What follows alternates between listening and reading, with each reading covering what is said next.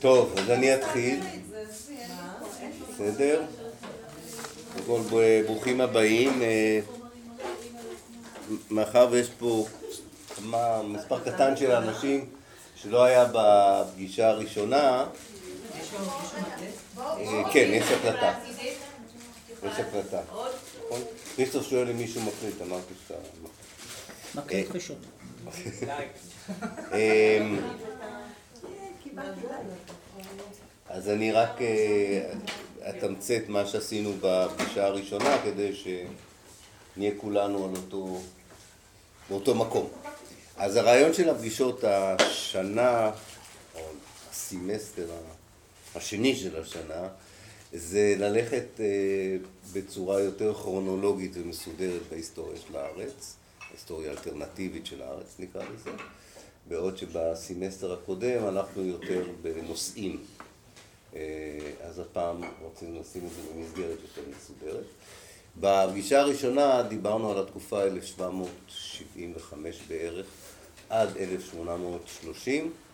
בעיקר רצינו להתמודד עם הטענה שהארץ הייתה ארץ ללא עם. לא התמודדנו עם הטענה האם יש עם ללא ארץ, זה סיפור אחר, אבל לפחות התמודדנו עם הטענה שהיה, שאכן היה פה עם אה, בארץ. הקדשנו הרבה לדר אל עומר, שבעיני האירופאים, האירופאים קראו לו מלך פילסטין. איך? מלך פילסטין, דר אל עומר, כן, קראו לו מלך פילסטין.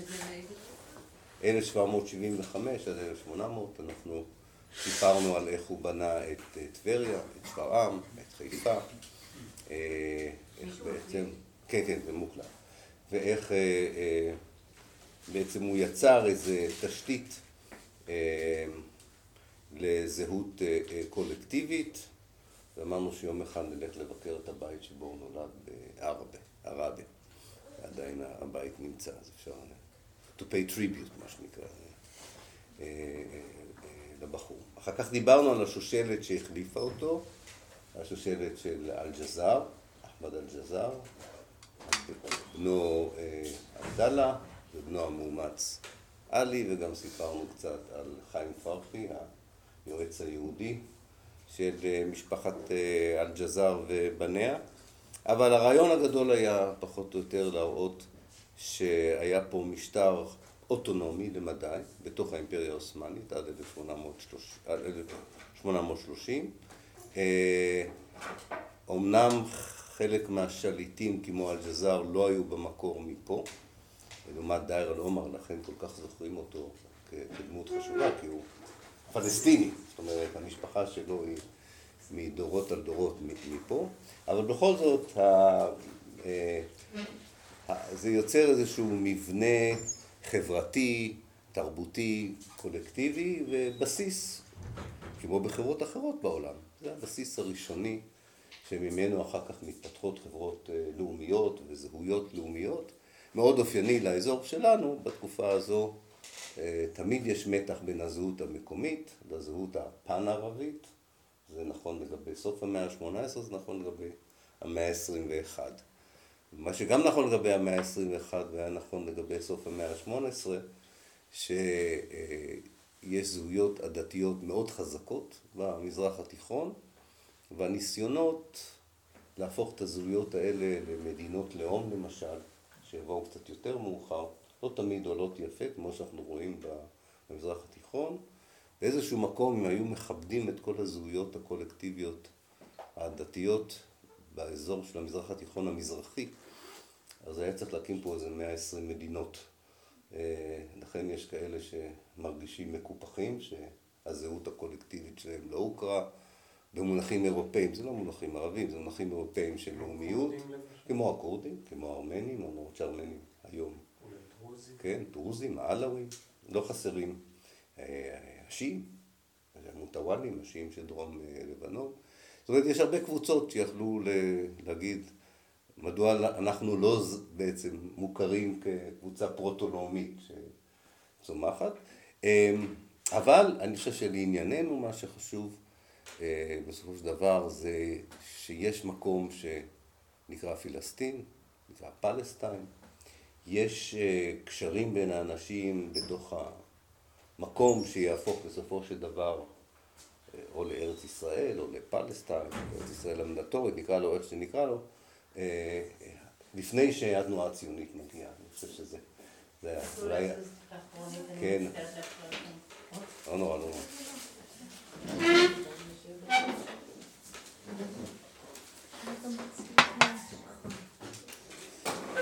אז זהו, אז זה פחות או יותר... אה,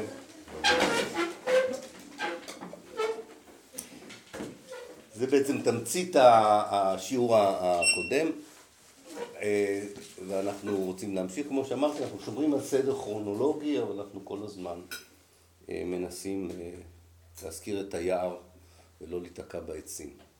תמונת היער תישאר בעינינו. גדולה, כי היא חשובה, אני חושב, להבין מה שקרה. אולי אני אוסיף עוד משהו שדיברנו עליו והוא חשוב, זה זהויות אה, מאוד חזקות שהיו, הם קצת נעלמו במאה ה-20, אבל לפחות לאורכה של המאה ה-19, ההכרה של האנשים באיזשהו אילן יוחסין מאוד בסיסי בעולם הערבי, דיברנו עליו, אה, שמתייחס, וזה לא כל כך משנה אם הוא נכון אקדמית או לא נכון, מה שחשוב זה התודעה, לא ה... האם זה נכון עובדתית או לא, אבל הייתה, יש תודעה אל, אה, הערבים שחיים בארץ הגיעו במאה השביעית אה, מחצי האי ערב, ובעיקר מהאזור של תימן. ושבתימן היה שבטים צפוניים ושבטים דרומיים, ו... ואנשים זיהו את עצמם לפי האילנות יוחסין שהיו מגיעים או, ל, או לשבטים הצפוניים או לשבטים הדרומיים. ב-1711 למשל, בדרום לבנון, בכפר שמצוי עד היום, שנקרא עין דרה, היה קרב גדול בין כל הקואליציה שראתה את עצמה שבטים דרומיים לבין כל הקואליציה שראתה את עצמה כשבטים אה, צפוניים. אה, זה לא היה העניין, לא בגלל זה הם רבו אחד עם השני, פשוט במאבק על מי ישלוט על הר לבנון אה, מועמד אחד נזכר שהוא בא מהדרום, אז המועמד השני אמר אני בא מהצפון. אם הוא בא מהדרום אז אני בא מהצפון, כי ככה אפשר לגייס אה, קואליציות. קצת מזכיר את הבחירות שלנו, את הניסיונות להקים ממשלה, רק שמה זה לא על בסיס אידיאולוגי, אלא על בסיס... אה, של... גם אצלנו לא. גם, גם, נכון. עניינות יוחסין. זה קצת נעלם במאה ה-19, זאת אומרת במאה ה-19, אבל בעיקר בגלל התערבות מבחוץ. ככל שהאירופאים נעשים יותר ויותר מעורבים ממה שקורה פה, ולא רק פה, גם בלבנון ובסוריה וכולי, אה, האירופאים בעצם לוחצים על האימפריה לשנות את מפת הזהויות שלה. ול, אה, כי זה לא נוח לאירופאים, כל האילנות יוחסים המורכבים האלה, ועדות קטנות. והאירופאים מתחילים, וככל שהם נעשים חזקים יותר, זה נעשה גם יותר משמעותי. הם אוהבים לדבר על נוצרים, מוסלמים ויהודים, זה הרבה יותר נוח. אה, מאוד זר, אני צריך מוכרח להגיד לאימפריה העות'מאנית. האימפריה העות'מאנית לא התעסקה עם מוסלמים, יהודים ונוצרים, היא התעסקה עם, עם עלאווים, עם דרוזים, עם שיעים, עם יזידים, לא היה משהו שנקרא מוסלמים, או משהו שנקרא נוצרים. היו אורתודוקסים, היו מרונים, אה, רק בלבנון היו 17 כיתות נוצריות אה, כל מי שנמצא על הר בדרך כלל חושב שהוא קרוב לאלוהים, ואז ישר הוא מקים כיתה במאה החמישית, ואחר כך זה נשאר אה, איתנו עד היום. אה, אז יש איזה לחץ מאירופה לפשט את הזהויות, אה, וככל שאירופה נעשית משמעותית יותר בהיסטוריה של המקום הזה, הזהויות האלה מתחילות להיות יותר משמעותיות, אבל די זרות, אני חושב, בעיקרון למקום הזה, אבל זה עובד, כי, כי בסופו של דבר, אני אתן לכם דוגמה, למשל, המעצמות האירופאיות אומרות, מישהו נוצרי ומישהו יהודי, ככל שאנחנו נהיה מעורבות יותר בענייני האימפריה, אנחנו נדאג שיהיה להם עוד זכויות. כמעט הייתי אומר עם עוד דרכון אירופאי שני אצלנו. כן, אז יהיה להם, אה, יקבלו, זה לא היה דרכון, אבל הם קיבלו איזושהי תעודה, שנניח אתה תושב צפת יהודי, אבל יש לך גם תעודה של, מהקונסול הבריטי, שאתה נתין אתה לא בדיוק נתין מלא של בריטניה, אבל איזושהי נתינות בריטית. מה זה נותן לך? זה נותן לך למשל אה, אה, זכות אה, להישפט גם בפני הקונסול המקומי, ולא רק בבית הדין השרעי, זה נותן לך הקלות מסוימות במס, אפשרויות יותר קלות לנסיעה, זה די מזכיר את העולם המודרני, אבל מה שחשוב כמובן לבריטים, זה שאתה מתחיל להיות חלק מאיזה רשת של פטרון, פטרונים וכל, וכל, ולקוחות, כן? שמאפשרות למעצמה שנותנת את הזכויות האלה, שבגדול קראו להם קפיטולציות, קפיטוליישנס, נותנת למעצמה עוד דרך להתערב בענייני הפנימיים של האימפריה העות'מאנית ברמה הכלכלית, החברתית והפוליטית. כן. יש גם טענה שהם גם הביאו לפה את האנטישמיות. כן, על זה נדבר, כן, אבל זה עוד, עוד, עוד, זה נכון, הרבה דברים באו מאירופה. אבל אני חושב שמה שחשוב פה זה, ה, זה המיפוי המחודש של הזהויות.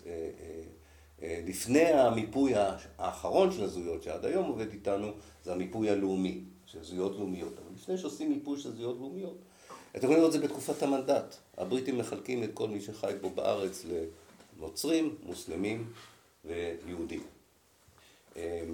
שזה לא בדיוק הייתה החלוקה הנכונה של מה שקרה בארץ, אבל זה היה מאוד נוח מבחינת המשטר הבריטי להגיד, יש פה שלוש כיתות דתיות, לא משנה שהרבה מהם היו חילוניים, גם בקרב הנוצרים, גם בקרב היהודים, גם בקרב המוסלמים, אבל זה היה מין קטגוריה דתית, שזה הייתה מאוד נוח, כי גם זה אומר שאין לאף אחד דרישה אל מול האימפריה. כי אם אתה, אתה לא חלק מתנועה לאומית, אתה בסך הכל משתייך לאיזה כיתה דתית. הם עשו את אותו דבר בהודו, בצילון, במלזיה, בהרבה מקומות אחרים. הם דאגו שהזהויות יהיו דתיות, כי הם חששו, ככל שהזמן עבר, מזהויות לאומיות. אבל בואו נחזור לענייננו.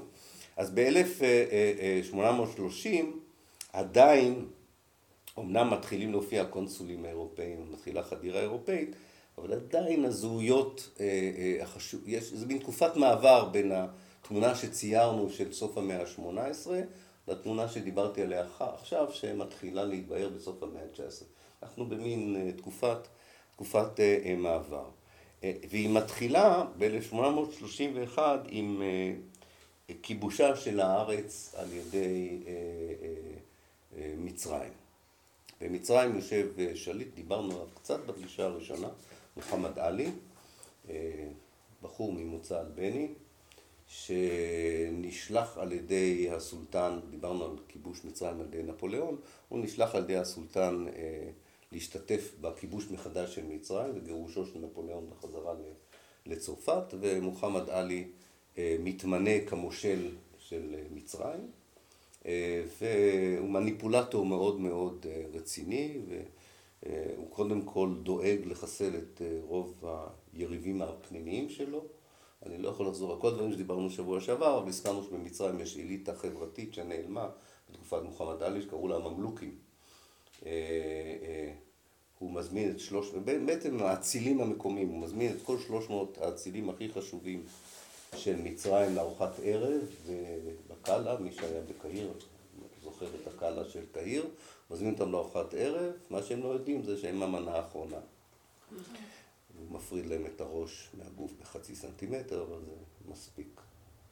ועד היום במוזיאון אתם יכולים לראות את הגולגלות של השלוש מאות, אני לא בדקתי אם זה שלוש מאות וגם לא בדקתי אם זה הגולגלות של האצילים הממלוכים, בכל מקרה הוא מכס... הוא... זה היה מסר כמובן לכל היריבים האחרים. מה שמדהים לגבי מוחמד עלי, נוסף לכך, שהוא מאמין שהוא בעצם נועד להיות הסולטן החדש באיסטנבול. הוא מתחיל לזנוב באימפריה, הוא כובש חלקים גדולים מהאימפריה העות'מאנית, את סודאן, את חצי האי ערב, שזה מאוד חשוב, כי זה כולל את הערים הקדושות לאסלאם, מכה ומדינה, ושם פעמיו לעבר איסטנבול, ואותם ימים הדרך הטובה ביותר לאיסטנבול זה לעלות ממצרים דרך ארץ ישראל וסוריה לכיוון אנטוליה.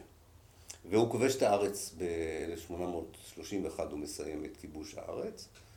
הם נשארו פה המצרים בארץ תשע שנים, והשאירו את חותמם, צריך, צריך להגיד, הם, הם, הם היו מאוד מאוד נמרצים.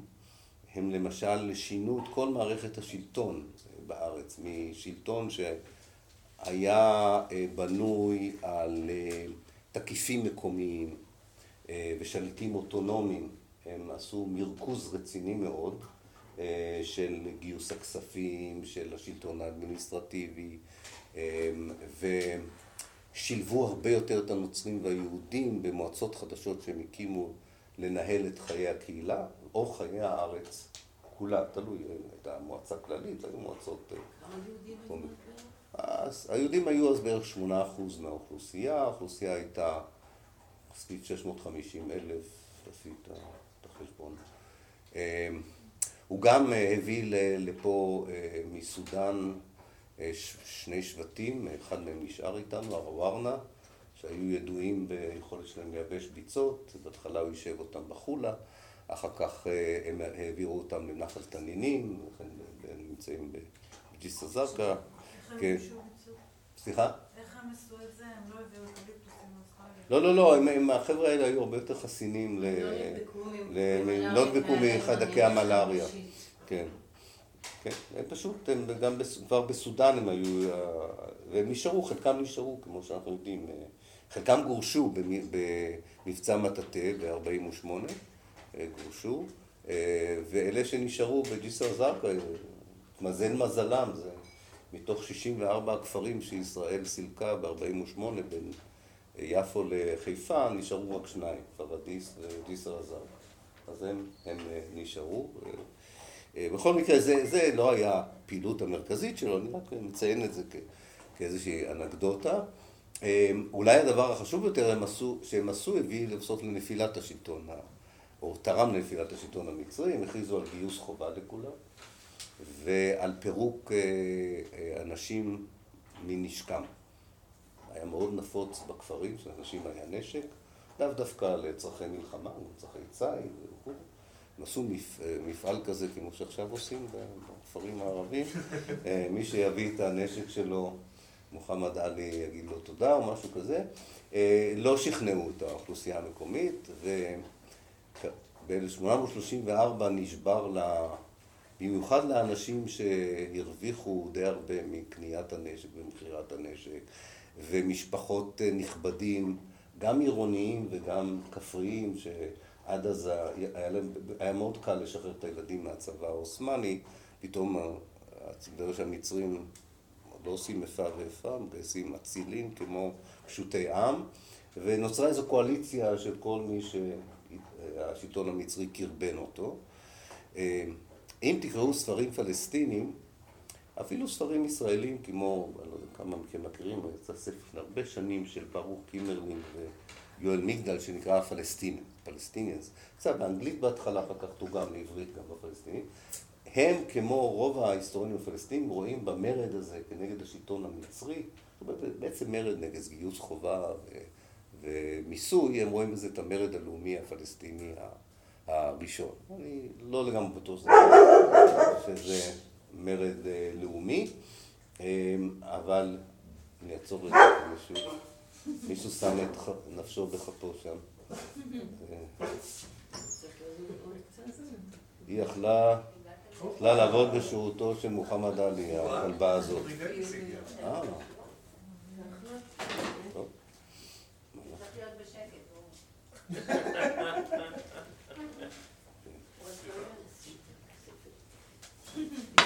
לא. בסדר? אני, כי אני נותן הרצאה, אז קשה לי.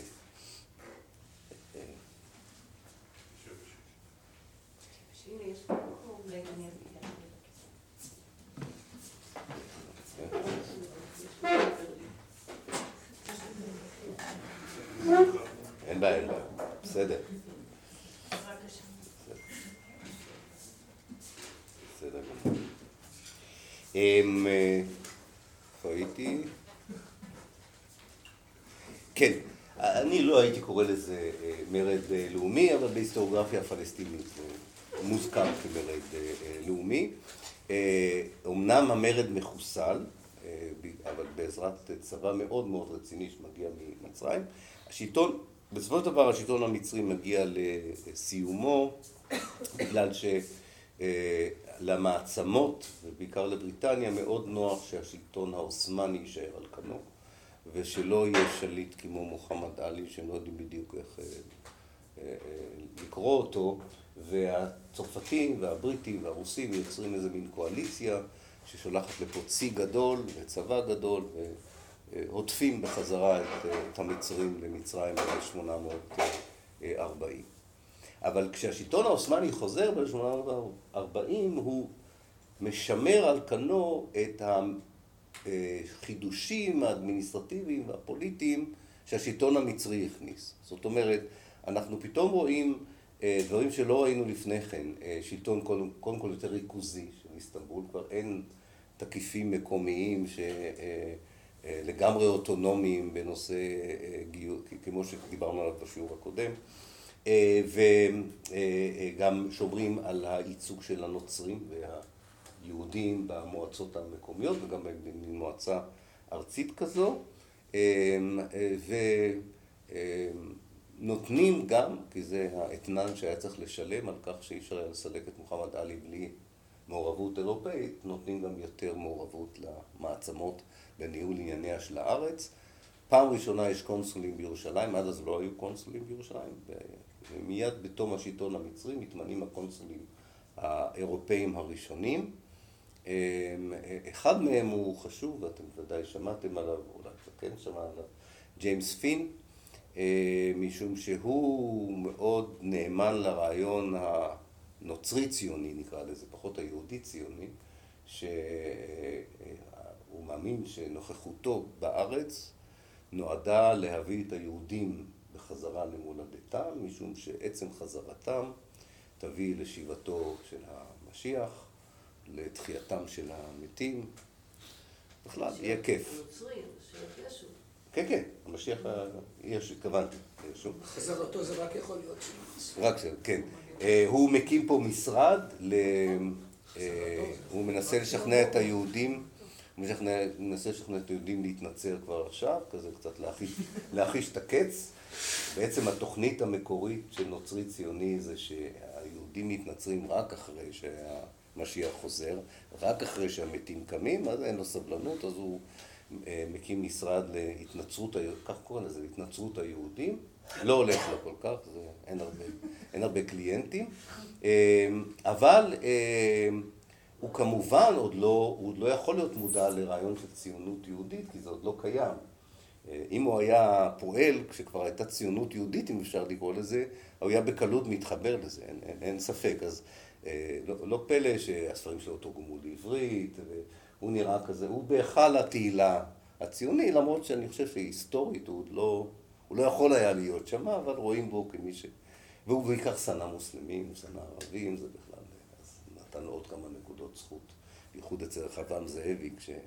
הוציא את, הוא הראשון שהוציא את הספרים שלו בעברית, של אותו ג'יימס, פין, אז זה היה בשבילו אישיות, אישיות חשובה. בכל מקרה, הקונסולים מתחילים להיות משמעותיים. מה כוחם? כוחם מתבטא בכך שקודם כל הם, הם כל מי שנחשב לנתין של ארצם, וגם אותו נתין דרך הקפיטולציות שדיברנו, נקרא לזה נתין משני. הם זכאים להגן עליהם בבתי משפט, בסכסוכי קרקע,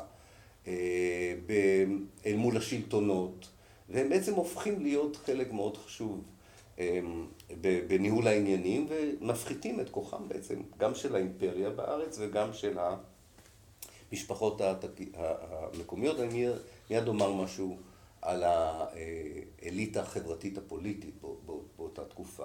אבל זו תופעה אחת שלא הייתה קיימת קודם. היא תהיה משמעותית גם להמשך הסיפור שלנו. גם להמשך הסיפור שלנו, חשוב להכיר בה. אגב, המעורבות הזו הביאה בצורה, כמו שקורה לפעמים בהיסטוריה, בצורה לא רצונית כמעט, הייתי אומר, להתפרצותה של אחת מהמלחמות העקובות ביותר מדם במאה ה-19. שהייתה חסרת כל תכלית, אני יודע שהרבה מלחמות הן חסרות תכלית, אבל זאת במיוחד הייתה מטומטמת. קרים. מלחמת קרים. אתם זוכ... מי שמכיר את הסיפור יודע שזה מתחיל מסכסוך בבית לחם על הכוכב שנמצא על כנסיית המולד בבית לחם. הטענה הייתה של הקתולים, שהרוסים, או אלה אנשים ששייכים לכנסייה הרוסית, גנבו את הכוכב. וזה התחיל סכסוך מאוד מאוד רציני. כמובן, זה היה תירוץ כדי להילחם מול ההתפשטות של רוסיה לעבר הים החם בים התיכון, לנסות לעזור לטורקיה כנגד ההתפשטות של רוסיה לעבר הבלקנים.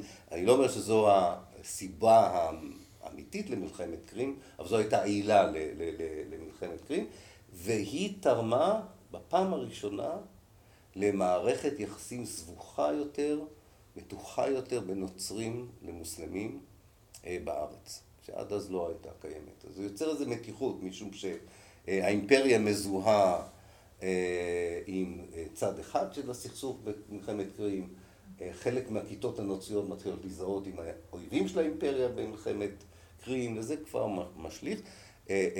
זה מביא בסופו של דבר לפעם ראשונה במאה ה-19, ואפילו הייתי אומר במאה ה-18, לטבח קשה מאוד בנוצרים של דמשק ב-1860. שם הייתה עוד סיבה לטבח, לא אכנס לזה יותר מדי, זה היה קשור למלחמה בתוך לבנון בין הדרוזים למרונים, מלחמת אזרחים שהייתה. המרונים אגב היו עניים בעיקרים, הדרוזים היו אצילים ועשירים, בניגוד למה שקורה אולי היום, וזה, אבל זו התפתחות של, של כל החדירה הזו המערבית, זאת אומרת, יש פה פתאום סכסוכים שמועצמים על ידי יחסי הפטרון קליינט שהמעצמות יוצרות עם העדות המקומיות. וזה באמת מעצים סכסוכים, אני לא אומר שהאיבה לא הייתה אולי קיימת קודם לכן, או סכסוכים, אבל היו מנגנונים הרבה יותר מוצלחים ליישב את המתיחויות האלה. זה, זה היה חלק מה-DNA של, של המקום. כשאירופה נכנסת, היא דורשת מהקליינט הרבה יותר מחויבות, הרבה יותר אה, התעמתות, הייתי אומר, עם, עם הקליינט האחר, וזה זה תורם לאי יציבות במקומות שבסך הכל נשמרו במשך 200-250 שנים עם יציבות אה, די, די אה, גדולה. זה גם הוליד את הסטטוס קוו. סליחה? זה גם הוליד את הסטטוס קוו, לא מלחמת קרים. כן, כן, זה הוליד את הסטטוס קוו, גם, גם יצר את, התחיל ליצור את לבנון המודרנית, בגלל שב-1864 הכירו במרונים כמין כיתה בפני עצמה, שיש לה סמכות ריבונית על חלקים של מה שיהיה היום לבנון. זה יצר כל מיני דברים שיהיה להם המשך במקום, אבל הייתי קורא לסטטוס קוו, הוא היה מאוד נזיל, כי הסכסוכים ימשיכו, כמו שאנחנו יודעים. מה שמעניין הוא שהצד אולי, לא יודע אם זה צד חיובי לקרוא לזה, אבל התפתחות אחרת לגמרי, התפתחות אחרת לגמרי, כתוצאה ממעורבות אירופאית וכתוצאה מחזרתה של האימפריה לשלוט בארץ, והבאתי לכם מפה מאוד לא מוצלחת, אתם תסתדרו, אני בטוח, אני, אני סימנתי אותה בצהוב, זה הארץ, אתם תכף, אני אעביר את זה ביניכם, תסתכלו רק על הקטע הזה. העות'מאנים מתחילים לייצר זהויות גיאופוליטיות, אדמיניסטרטיביות, הרבה יותר גדול, גדולות, או אזורים יותר גדולים, הם, אני חושב שזה אסון למזרח, זה העמדה האישית שלי.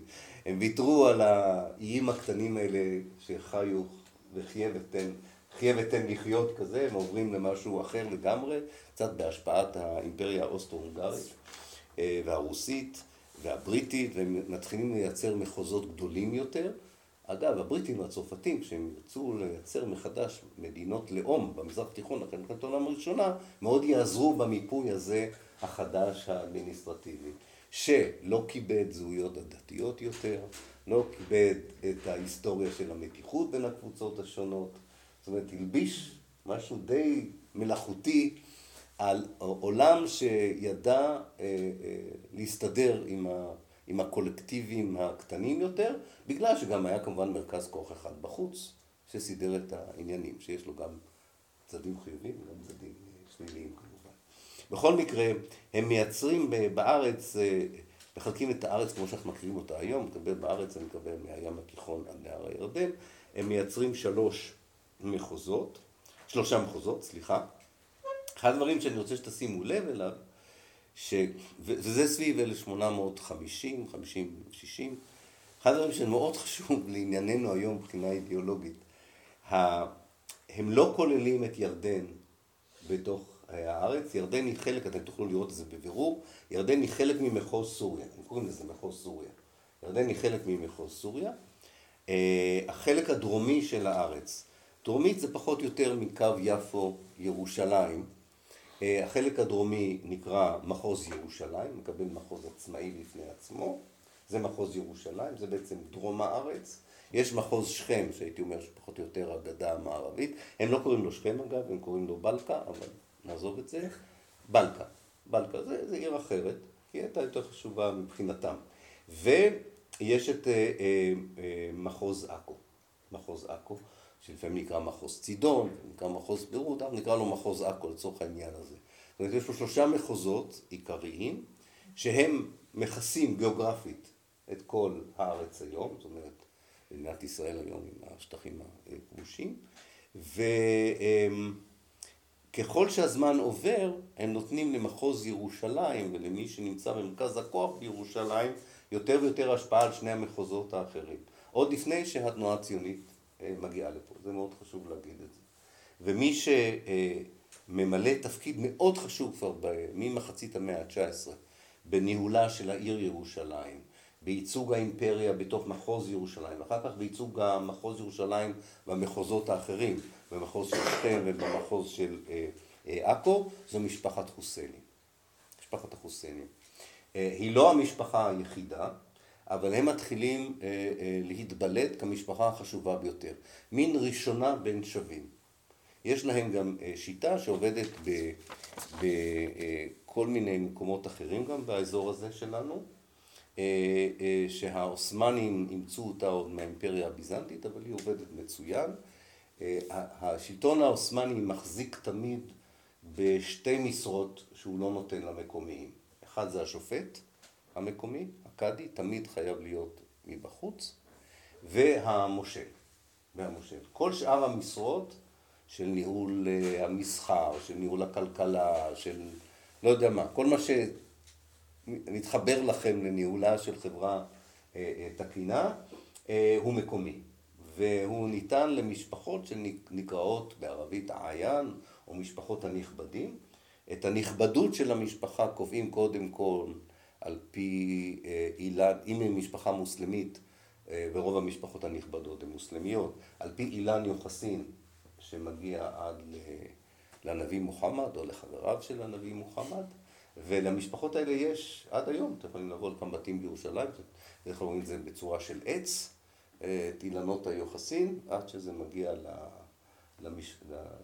למכה או מדינה. ובמקרה של משפחות נוצריות זה קשור לעמדה שלך בתוך העדה הדתית, העמדה הדתית שלך בתוך זה, וכמובן אצל היהודים זה מבנה של הרבנות, הרב וכולי. אבל המשפחות החשובות הן המשפחות המוסלמיות. מאחר ויש יותר ממשפחה אחת נכבדה שיש לה אילן יוחסין שמגיע לנביא מוחמד, השלטון מתערב בהחלטה מי תהיה המשפחה החשובה ביותר, אם המשפחות עצמן לא מסוגלות לבחור את, ה, את האחד בין שווים. לרוב זה, הם עושים את זה בעצמם. בירושלים קראו למשפחות הנכבדים האשרף. יש ערבית, כמו שאתם יודעים, זו שפה עם הרבה מילים נרדפות, אז יש יותר מילה אחת נרדפת לנכבדים. נקיב אל-אשרף, ראש המשפחות המכובדות, בכל התקופה הזו שאני מדבר עליה, מחצית השנייה של המאה ה-19, זה בין למשפחת החוסיין. המשפחה הזו... מה היה היחס המספרי בין מוסלמים לנוצרים? בארץ? כן. במאה ה-19 הנוצרים היו בערך 15-16 אחוז מהתושבים. ירושלים הייתה מקרה יוצא דופן, מספר היהודים היה שווה למספר הנוצרים והמוסלמים ביחד. אבל זה רק היה בירושלים, רוב היהודים פשוט חיו בירושלים, כן. משפחת החוסיינים סיפור מאוד מעניין, משום שהיא לא הייתה משפחת נכבדים במקור, היה לה שם אחר לגמרי. אבל, ב, אני לא אכנס לזה יותר מדי, אבל במאה ה-18 אחד מאבות המשפחה, הייתה משפחת חוסיינים ידועה, זו לא משפחת חוסיין שאנחנו מכירים אותה, שמרדה בסולטן ב-1700. עכשיו, כשמרדת בסולטן, הסולטן אחרי 40 שנה היה נוקם בך, כי זה לוקח זמן עד שהוא ידע שמרדת בו, עד שהוא היה מתרגז מספיק, ועד שהוא היה שולח את הצבא, והוא מחסל את משפחת החוסיינים המקורית. אבל בירושלים יושב ראש משפחה קטן, פחות חשובה, רודיה קראו לה, והוא הוא אוהב להסתכל על אילנות יוחסין, כי לכולם היה אילנות יוחסין, הוא מוצא איזה סבא רבא, כמו אצלנו, רואים? אה, סבא רבא כזה משותף בשם, לא משותף בדם, אלא משותף בשם. מלביש את אילן המשפחה שלו על עניין המשפחה של החוסיינים המנודים. אה, לוקח איתו, אה, היה להם בית חרושת לסבון, לוקח איתו הרבה הרבה ארגזים של סבון ויוצא לאיסטנבול לדבר עם הווזיר הגדול ואני לא יודע מה עוד הוא הביא לו אבל הוא חוזר עם גושפנקה שהם בעצם החוסיינים המקוריים והם מקבלים את כל המשרות החשובות שהיו למשפחה הקודמת. זה כבר מים מתחת לגשר באמצע המאה ה-19, משום שהם כבר מאוד מכובדים, מאוד מכובדים. עכשיו, כשמשפחה היא מאוד מכובדת במקום כמו ירושלים, זאת אומרת שהמשרה שנקי באשרה, זאת אומרת ראש המשפחות המכובדות הוא שלהם. אה, זאת אומרת שגם המופתי של העיר ושל האסכולה המרכזית שהייתה באסלאם אז, הוא גם ממשפחת החוסיינים וגם ראש לשכת המסחר, זה שלוש המשרות החשובות. ירושלים הייתה עוד משרה אחת, זה אחראי על, אה, על שמירת המתחם הקדוש שבו נמצא מסגד אל-אקצא וכיפת הסלע. אז זה בעצם יש להם כל ארבע המשרות האלה, אה, והם לא מאבדים, הייתי אומר, את השלטון או את הדומיננטיות בפוליטיקה הפלסטינית, אם אפשר לקרוא לזה ככה, מ-1850 עד 1948 בעצם, ב-110 שנה הם מאוד דומיננטיים. יש אחרות, יש גם ערים אחרות שמשחקות תפקיד חשוב בהיסטוריה הפלסטינית. שכם, מה? נששיבי. אני אומר, שכונות אחרות וערים אחרות. שכם, יפו, חיפה, נששיבים, חאלידים, אה, אה, אה, וג'רר, וטוקאן, ואבל האדי. בשכם, בחברון יש משפחות חשובות. אבל בסך הכל, במה שמתחיל להתגבש כתנועה לאומית מלמטה, כמה שמתחיל להתגבש כמנהיגות שמתחילה להבין את הסכנות שטמונות לחברה גם בפוליטיקה העולמית וגם במה שמתחיל להיות החדירה הציונית לתוך הארץ, זו באמת משפחת החוסיינים.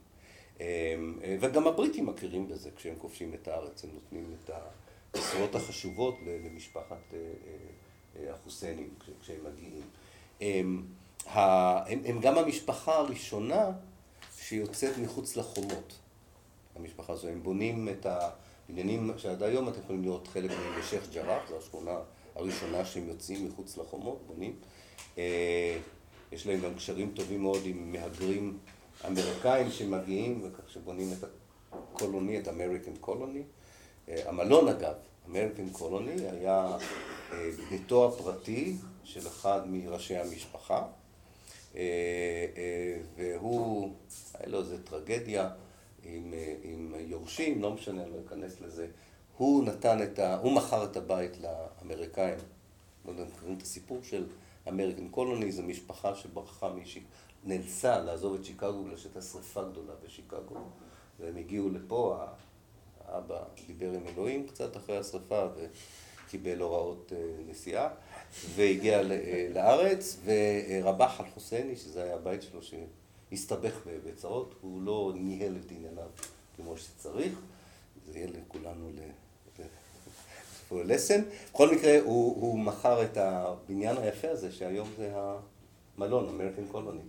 אמ, היה למשפחה קשרים מאוד טובים עם, עם האנשים האלה. עוד בית שאתם מכירים מהתקופה הזו שמתחיל לבנות זה האוריינט האוס, מי שזוכר את האוריינט האוס, זה היה ביתו של אחד מראשי משפחה האחרים, אסמאעיל אל-חוסייני.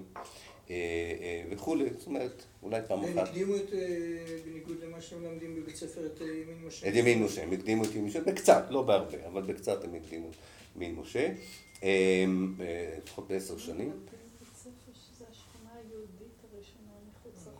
היהודית הראשונה כן, אבל לא הירושלמית הראשונה. כן. בכל מקרה, בכל מקרה, כן. בכל מקרה, אפילו היום עוד אפשר לעשות סיור באזורים האלה בירושלים, כמעט אה, כל בית שני או שלישי יש לו היסטוריה מעניינת של המשפחה הזו, ולא רק של המשפחה הזו, משפחות אחרות יצאו מתחום העיר העתיקה אה, אחרי אה, משפחת החוסיינים. אבל הם היו חלק מאוד חשוב מהעולם החדש הזה שאני קורא לו, בין 1840, שיחזיק מעמד עד 1908, עד הפיכת הטורקים הצעירים. אז יש לנו פה 60, 70 שנה של, אה, אני אעביר את זה אחר כך אולי כדי לא, אה, של, אה, שנייה אחת, של שלוש, שלושה מחוזות עות'מאנים, אליטה עירונית שיותר ויותר ירושלים תופסת בה מקום חשוב וגם יש לה קשרים דרך נישואים, אני צריך להגיד, עם משפחות בערים אחרות, כך שזה נעשה, זה מתחיל להתגבש כאצולה עירונית כמעט, הייתי, הייתי אומר את זה, במונחים מקומיים. ובכפרים עצמם אה, מתחילה, אה, אה, גם מתחילים דברים להשתנות, גם לטובה וגם לרעה. הדבר החשוב ביותר שקורה באזור הכפרי זה שינוי בחוקי הבעלות על הקרקע באימפריה העות'מאנית באמצע שנות החמישים של המאה ה-19. עד לאותו זמן רוב האיכרים היו נתינים שאיבדו את האדמה אבל לא היו בעלי האדמה, רובם לא היו בעלי האדמה, היו בעלי אדמות או מחוץ לארץ, מחוץ לארץ או, או בתוך הארץ, אבל הייתה גם מערכת מאוד אה, שיתופית של בעלות על הקרקע, בדרך כלל של הכפר עצמו, שגם הייתה תופעה שנקרא מושה, שבה חילקו את האדמה הטובה כל פעם למשפחה, כל פעם למשפחה אחרת, ו...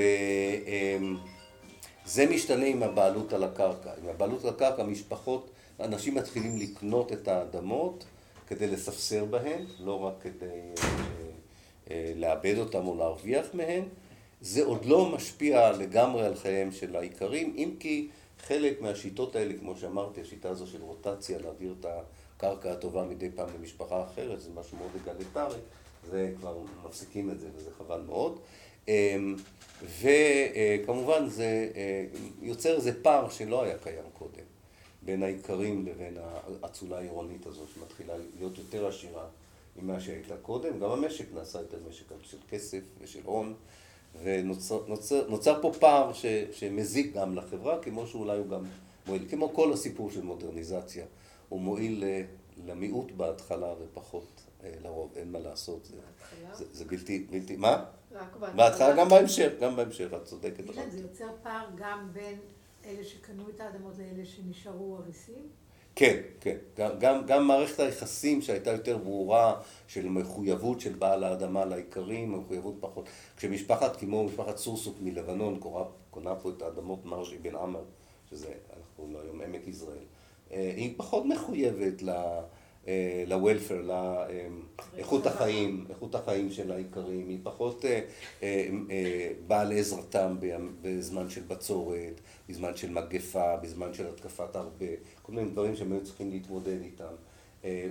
בעבר המשפחות המקומיות הרגישו הרבה יותר אחראיות, גם היה יותר סולידריות בין, בין בעלי הקרקע לבין הנתינים. גם אחר כך בהיבט של זה, זה היהודים, זה, היהודים עשו משהו, הציונים, לא היהודים, הציונים עשו משהו חדש לגמרי, הם, כן, כן, לא צריך להגיד, אנחנו לא טוענים שכל מי שהוא, לא כן, הציונים דרשו מה שאפילו אנשי לבנון לא דרשו, שקנו את האדמות, הם דרשו שהאיכרים יעזבו את האדמה, שזה לא קרה בשום, בשום חלק של המזרח התיכון. מי שקנה אדמה השאיר את הנתינים. יכול להיות שהוא יתייחס אליהם פחות יפה, אבל מעולם הוא לא דרש שהנתינים יעזבו, למה שהוא ידרוש שהנתינים יעזבו? הציונות באה עם תוכנית אחרת, אז היא דרשה שהנתינים, היא בכלל לא עניין אותה להתייחס יפה או לא יפה, זה פשוט שהם יסולקו, והחוק הבריטי, אימצו את החוק הבריטי של אה, רכוש פרטי כדי לאפשר סילוקם של הנתינים, אבל לזה עוד נגיע. מה? עשו גם בסקוטלנד, לא, לא רק, וגם במקומות אחרים, בוודאי, גם, והצרפתים עשו אותו דבר באלג'יריה. ובתוניס ובמרוקו, כן, כן, זה לא, לא ייחודים בעניין הזה, אבל במזרח התיכון זה היה ייחודי מהבחינה אה, הזו. אני רוצה רק להזכיר עוד משהו שמאוד חשוב למה שמתפתח אחר כך, כי כל, ה, כל הרצון שלי הוא להבהיר לכם שיש בו חברה תוססת, אה, חברה שעולה על פסים של המודרניזציה, של ההזדהות הלאומית או הזהות הלאומית, לפני שמגיע לפה העולה המתנחל, תקראו לו איך שאתם רוצים, הציוני הראשון. זאת אומרת, כל, ה, כל, כל הניסיון הזה לבוא ולהגיד, אנשים הגיעו לארץ ריקה, או לארץ בלי זהות, או ארץ... היה פה תהליך מאוד אה, אופייני לכל האזור הזה, שבהרבה מקומות הסתיים בהקמתה של לבנון המודרנית, של סוריה המודרנית, של מצרים המודרנית, של עיראק המודרנית, של ירדן המודרנית, אבל לא של פלסטין המודרנית. ויש פה עוד טענה, אילן, שגם התנועה הציונית היא בעצם הגורם לתנועה הלא מתפקדת. אז אני, אז אני מוכיח לך שלא. הרבה לפני שהם הגיעו, אה, אה, כבר נוצר פה הבסיס לזהות לאומית. בכל העולם הערבי התלבטו האם להקים מדינת, אה, מדינה ערבית כוללת על כל האזורים הערבים, או להקים מדינות קטנות. אז גם בפלסטין התלבטו, האם מה עדיף להיות חלק מסוריה הגדולה, להיות חלק מרפובליקה ערבית גדולה, אולי להיות חלק מסולטנות חדשה ערבית, או להיות חלק מפלסטין. אבל אה, אה, זה לא, לא, ההתלבטות הזו לא שייכת לציונות. היא שייכת לעובדה שהמעצמות מאוד לא רצו אה, שיהיה פה מין כמו ארצות הברית של המזרח התיכון, שלא יאפשר להם להתרחב לתוך המזרח התיכון. צרפת ובריטניה מאוד לא רצו אחדות ערבית, מה שאנחנו קוראים היום פן ערביות. בערבית אגב יש שתי מילים למילה לאומיות, קאומיה שזה פן ערביות ווטניה שזה לאומיות מקומית, וזה נוצר בתקופה הזו שאנחנו מדברים עליה. אה, אגב, מי שמאוד משפיע זה דווקא מיסיונרים מארצות הברית. מיסיונרים הראשונים מארצות הברית מגיעים לארץ ב-1820, הם מקימים את הקולג'ים שאחר כך יהפכו לאוניברסיטאות אמריקאיות בקהיר ובביירות, ובארץ, לצערי הם לא הקימו, אוניברסיטאות טובות, אחרי שהם לא הקימו אוניברסיטה אה, אמריקאית גם פה, אה, אבל הם מקימים פה בתי ספר. ומה שמעניין, הם פחות מטיפים, שזה מה ששלחו אותם בשבילו, אה, לאנשים להתנצר, והם יותר מספרים בהתרגשות על הרעיון החדש, כי הם הראשונים שהביאים אותו לעולם, של העצמאות הלאומית. אף אחד לא הכיר את הרעיון של העצמאות הלאומית לפני 1776. לא היה, לא, הייתו, לא הייתה מדינת לאום בשום מקום. היו בתי מלוכה, היו בתי אצולה, אבל לא הייתה רפובליקה בשום מקום. תזכרו, זה לפני המהפכה הצרפתית. מי הראשונה? ארצות הברית. ארצות הברית. אבל מדוע? כי זה, אלה מתנחלים אירופאים שמבצעים השמדת עם של המקומיים בארצות הברית. הם רוצים לראות את עצמם כמקומיים, במקום המקומיים, צריכים ליצור זהות שהיא שונה מהאימפריה שאליה הם בעצם משתייכים, ודאי דיברו באותם מבטא, באותו מבטא, הם עדיין היו אנגלים, אבל הם אומרים, אנחנו לא אנגלים, אנחנו משהו חדש. והמשהו חדש הזה זה פעם ראשונה בהיסטוריה המודרנית שמישהו יוצר איזו זהות שלא קשורה לנאמנות לבית מלוכה, לבית אצולה, או לדת, או לאיזו היסטוריה אתנית, אלא לאיזה רעיון שמדומיין, שמקשר את האנשים, והוא נקרא הלאום האמריקאי. הצרפתים מאוד מתלהבים מהסיפור הזה, וזה נותן להם את החומר הגלם כדי להחליף את לואי ה-16, מלך השמש, אה, עם קו ישיר לאלוהים, עם הרעיון שלדעתי הוא לא, לא יותר טוב, של הלאום הצרפתי. אה, אה, אבל, אבל, ומשם זה מתפתח, זה עובר לאביב העמים, ב-1848, יש פה הליך מאוד מאוד ברור. החליפו חבר דמיוני אחד בחבר דמיוני אחר. אחד, בדיוק, בדיוק.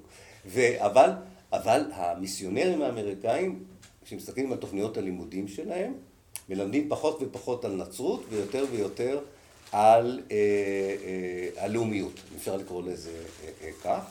ותורמים מאוד מאוד להיווצרות, מודעות לעניין של, של לאום, של אה, זכות הגדרה עצמית אה, וכיוצא בזה כבר בשנות ה-20 של המאה ה-19. הדבר האחרון שאני רוצה להוסיף לתמונה הזו של, של המאה ה-19 זה העיריות, העירייה. העירייה היא מאוד חשובה. פעם ראשונה מוקמות עכשיו זה נשמע כמו מערכון של הגשש, עירייה בטבריה, פעם ראשונה בטבריה. אז פעם ראשונה בארץ מוקמת עירייה, עירייה ראשונה מוקמת בירושלים, השנייה בשכם, בשנות ה-60 של המאה ה-19. מדוע היא חשובה? זה אפילו אתם יכולים לראות היום בפוליטיקה אה, אה, פלסטינית מקומית.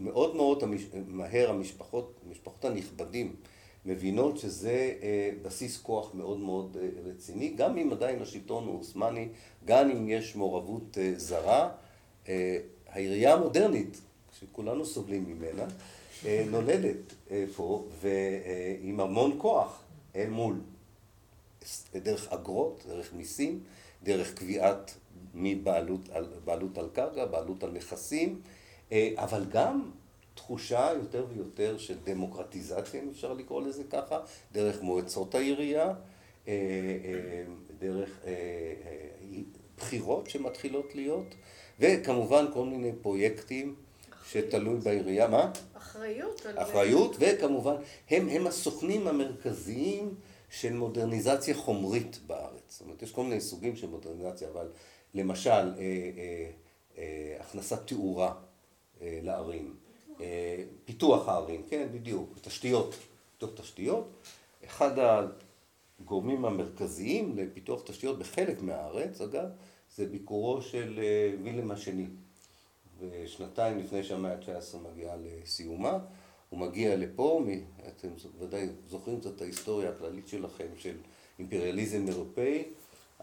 גרמניה מגיעה מאוד מאוחר למאבק על האימפריאליזם בגלל שהיא מגיעה מאוחר מאוד להיות מדינת לאום. אחת מדינות הלאום האחרונות שנוצרות באירופה זה גרמניה רק בסוף שנות ה-60 של המאה ה-19 והרבה חלקים של העולם דפוסים קצת, והקיסר מחפש להרחיב את המפה האימפריאלית שלו, והוא מקווה להיכנס לדרך האימפריה העות'מאנית, לא רק כדי להרחיב את שטח המחיה הגרמני, אפשר לקרוא לזה ככה, אלא כמובן לקבל זיכיונות ולהרוויח מהמעורבות. אז הוא בא לארץ לביקור מאוד ידוע עם אשתו, אוגוסטה, ומקימים את בית החולים אוגוסטה, ויקטוריה, אבל מה שחשוב הוא שבמקום מקום שהוא צעד, היה אמור לצעוד בו, הכניסו פסי רכבת, הכשירו את הרחובות, את הדרכים, זאת אומרת, הוא, בביקור קצר הוא השאיר הרבה יותר פיתוח, כן, אימפרינט כזה של פיתוח מאשר המקומות. אתם ודאי מכירים את הסיפור של ה... הוא נפגש במשך שלוש וחצי דקות עם הרצל. הצלם פספס את זה, ואז עשו פוטו-מונטאז' והכניסו את הרצל לתוך התמונה.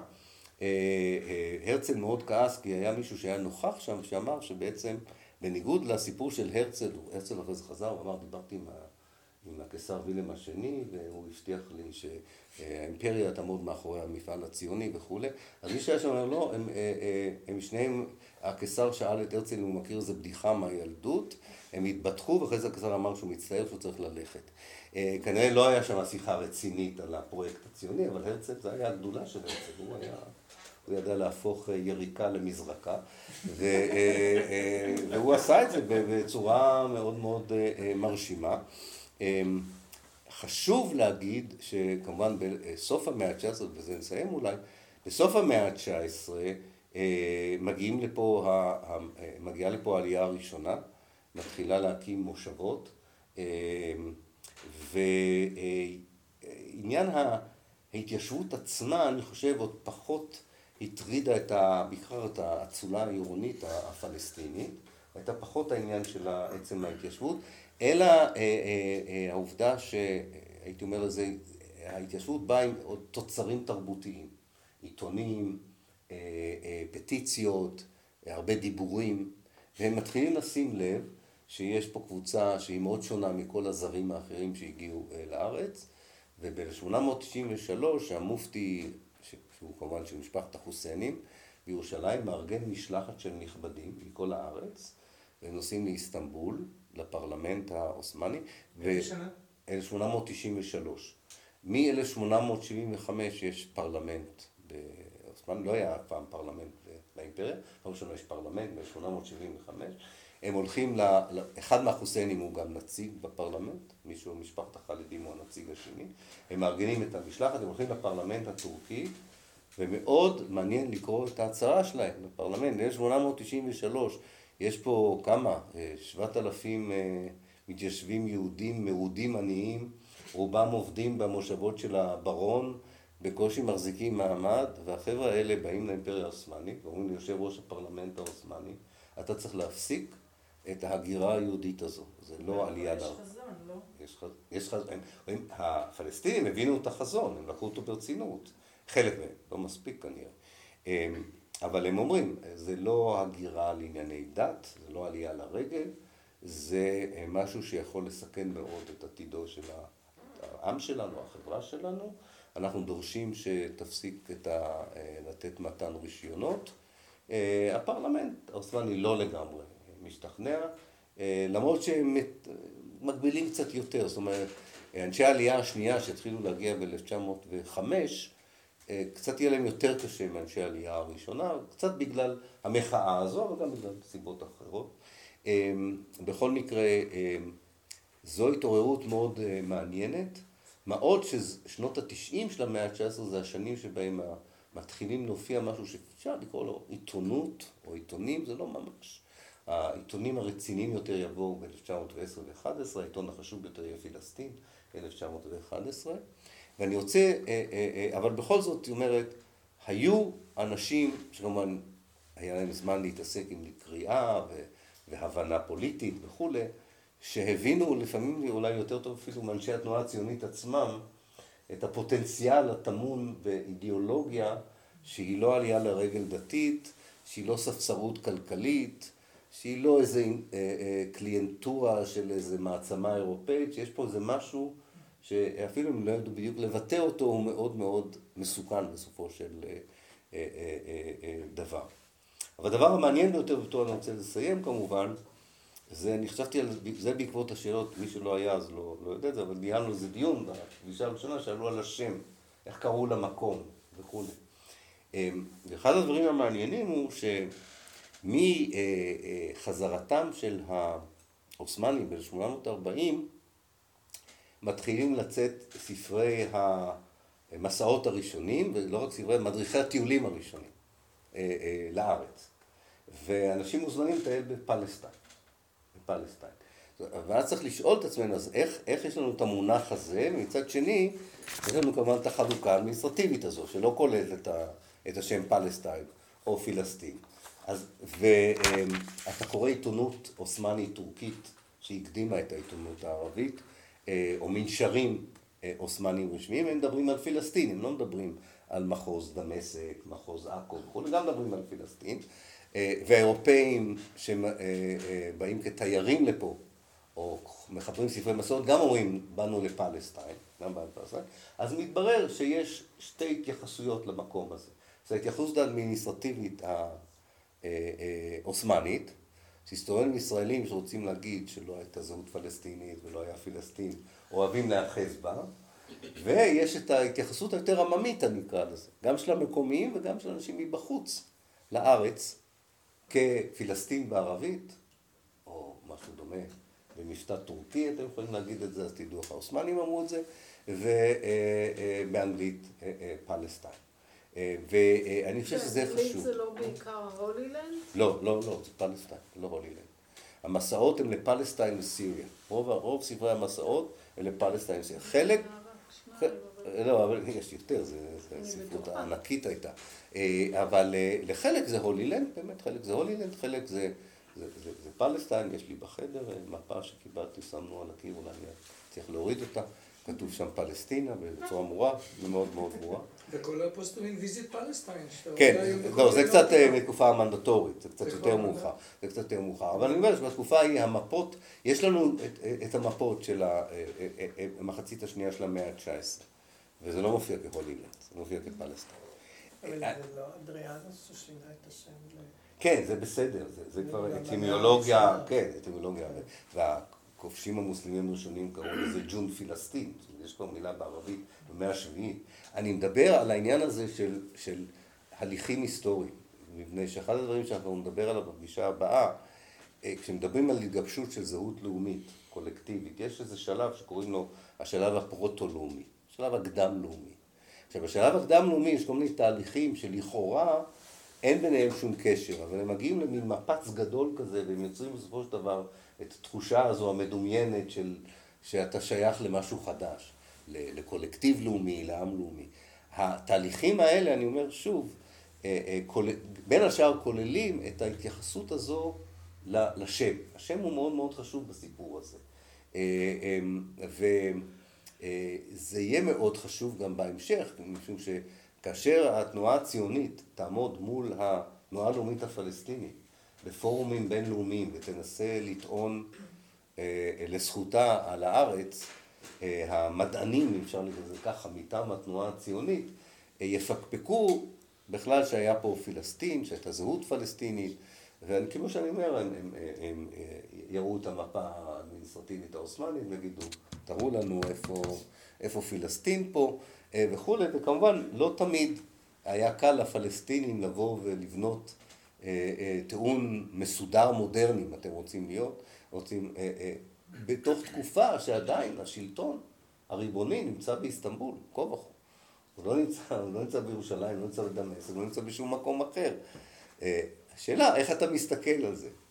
כי אם, כי אתה מסתכל על זה במבט היסטורי רחב, אתה אומר, כן, מתוך השלטון הזה יצאו לבנון, ירדן, עיראק, סוריה, מצרים, רק פילסטין לא יצא. ולמה היא לא יצאה? מסיבה אחת היא לא יצאה, שלא קשורה לפלסטינים עצמם. זה חשוב, אני חושב מבחינה היסטורית, זה חשוב מבחינה נוכחית. עובדה שאפילו האו"ם בכ"ט בנובמבר כן הכיר במדינה פלסטינית. כן, זה נכון, זה נכון.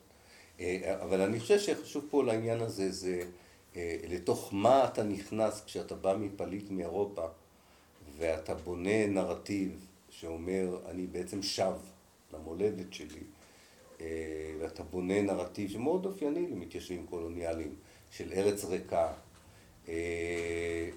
לארץ מוזנחת שאתה שב אליה אחרי אלפיים שנות גלות, מאוד קשה בתוך המציאות הישראלית למלא את, ה, את הריק הזה ולהסביר לאנשים את, ה, את, ה, את הסיפור הזה של, שמתחיל מעיריות ועובר דרך עיתונות, דרך בתי ספר, דרך סופרים, דרך משוררים, דרך תיאטרון, דרך, לא הספקתי לדבר על הכל, תנועת נשים, תנועות נוער, זאת אומרת, משהו שאני זוכר עוד מהאוניברסיטה העברית כשלמדתי אצל יהושע פורט על הוא הראשון שהעביר סמינר שנקרא התנועה הלאומית הפלסטינית.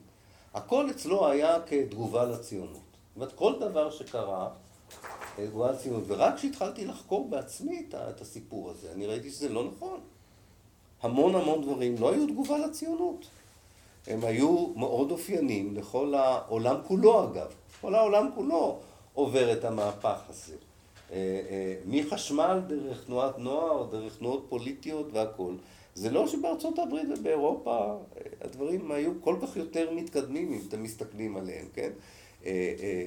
ואיפשהו, אפילו באוניברסיטה העברית, הצליחו להעביר לנו איזה מסר כזה של איזה קבוצה פסיבית פה, שהייתה רדומה, ובא איזה נסיך ציוני, נתן לה נשיקה על הלחי, היא התעוררה וחייכה, ופתאום היא התחילה להבין מה זה עירייה, מה זה מודרניות, מה זה לאומיות, זה במקרה הטוב, זה מהגישה הליברלית הציונית. זהו, זנגוויל ב-1920 כתב שהם כולם נוודים. נוודים, כן, בדיוק, זה עוד הגישה הליברלית הציונית, אין לנו שום דבר רע מזה שעשינו אותם לאום. אבל זה פשוט היסטורית לא נכון, זה היסטורית מעוות, וזה גרסה שייצרו אותה כמובן כנשק פוליטי. כנשק פוליטי לא מתוך איזה תהליך המעמיק של מחקר אקדמי או מקצועי. אבל בהחלט המאה הזו היא חשובה מאוד, המאה ה-19, לבניית היסודות של האומה הפלסטינית, של פלסטין המודרנית.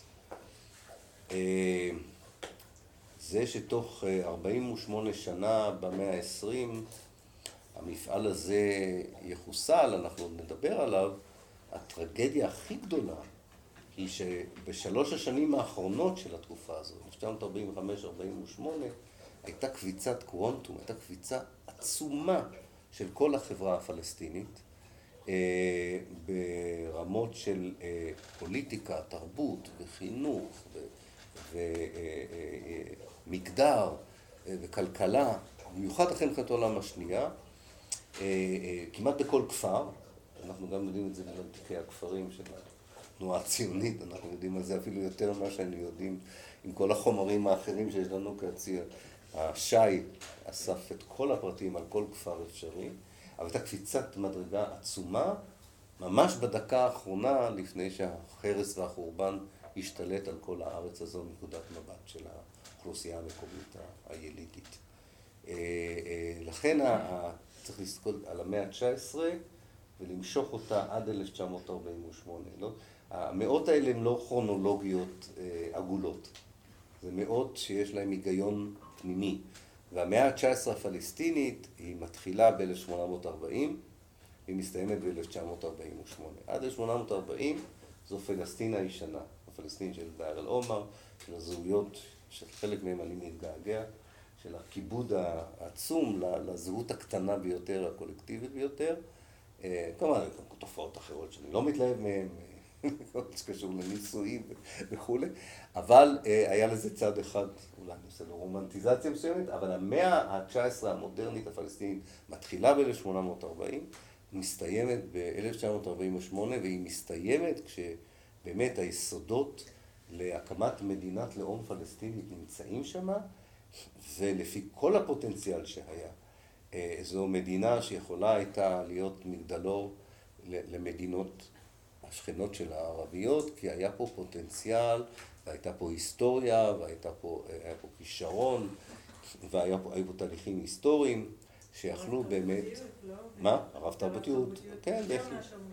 כן, בהחלט היה פה איזה פספוס היסטורי אדיר של קבוצה שאנחנו מכירים אותה אחר כך, רובנו נולדנו אחר כך, ואנחנו מכירים חלקים ממנה, ממה שנשאר ממנה כמובן, מהתרבות הזו וכל מה שהיא קשרה, אבל אנחנו נדבר עליה יותר בפגישה הבאה, כי אנחנו נדבר על המחצית הראשונה של המאה ה-20 בפגישה השלישית.